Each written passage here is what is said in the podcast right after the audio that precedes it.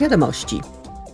Komisja Przemysłu i Komisja Budżetowa Parlamentu przyjęły stanowisko w sprawie Platformy na rzecz Technologii Strategicznych dla Europy. Ma ona wzmocnić unijne programy i fundusze, a tym samym zintensyfikować rozwój tych technologii. Za jej pośrednictwem Unia chce przeznaczyć na nowe inwestycje prawie 160 miliardów euro. Europosłowie złożyli poprawki do projektu przepisów, na mocy których ma powstać platforma.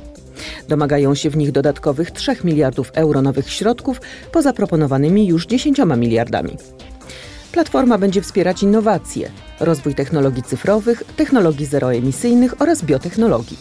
Ma też pomóc rozwiązywać problemy niedoboru siły roboczej i kwalifikacji. W parlamencie trwają prace nad nowymi przepisami, które mają skuteczniej chronić konsumentów przed szkodami spowodowanymi przez wadliwe produkty. Stanowisko w ich sprawie przyjęły już Komisje Prawna i Rynku Wewnętrznego. Nowe przepisy mają wyeliminować różnice między państwami członkowskimi w dziedzinie ochrony konsumentów. Mają też uprościć procedurę ubiegania się o odszkodowania. Przepisy te muszą ponadto uwzględnić nowe technologie i przejście na model gospodarki o obiegu zamkniętym.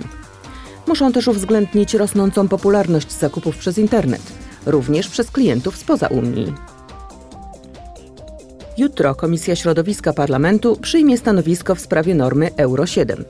Dotyczy ona emisji zanieczyszczeń przez samochody osobowe, dostawcze, ciężarowe i autobusy.